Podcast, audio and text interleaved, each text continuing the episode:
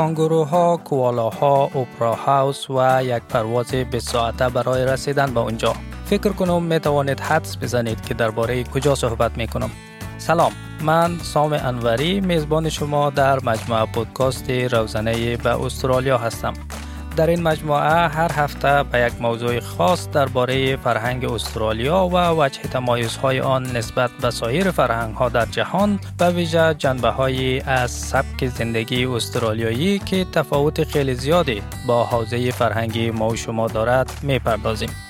اما قبل از اون که وارد سبک زندگی اوزی شویم اجازه بدهید به نکته های دانستنی درباره این کشور آفتابی پهناور بپردازم. سرزمینی که اکنون خانه بیش از 144 هزار گوینده زبانهای دری و فارسی عمدتا از کشورهای افغانستان و ایران است. بومیان استرالیا داروبر 80 هزار سال است که در این سرزمین زندگی می کنند. به این معنا که استرالیا خانه قدمی ترین فرهنگ زنده در جهان است. در آن زمان صدها ملت مختلف در این سرزمین پهناور زندگی می کردند. هر یک از این ملت ها زبان خاصی خود را داشت. حدود 100 تا از آن زبان ها تا امروز زنده هستند. باید بگویم که بومیان یا ملل اول پیوندی جسمی، معنوی، اجتماعی و فرهنگی با سرزمین خود داشتند و این پیوند با گذر ده هزار سال همچنان پابرجا مانده است. استرالیا در سال 1788 مستمره انگلستان شد و در سال 1901 رسما به یک ملت واحد متشکل از شش ایالت و دو قلمرو تبدیل شد. استرالیا از نگاه وسعت نزدیک دوازده برابر افغانستان و پنج برابر ایران و ششمین کشور بزرگ در جهان است. اما با وجود وسعت زیاد این کشور کوچکترین قاره در جهان محسوب می شود.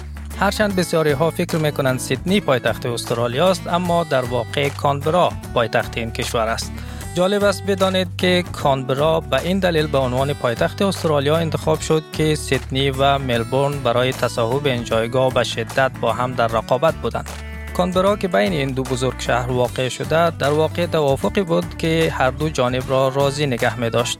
استرالیا در حال حاضر 26 میلیون نفر جمعیت دارد و انگلیسی زبان رسمی آن است. اگرچه دین رسمی در استرالیا وجود ندارد اما مسیحیت بزرگترین دین در این کشور است. آنچه استرالیا را از همه کشورها متمایز می کند تنوع فرهنگی و زبانی منحصر به فرد آن است.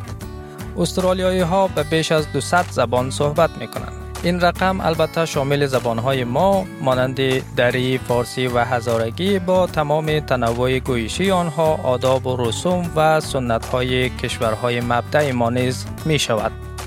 خلاصه این که روزنه به استرالیا مجموعه پودکاست جدید اسپیس دری است که سعی دارد با روایت جذاب شنونده ها را با جنبه های فرهنگی این کشور آشنا کند.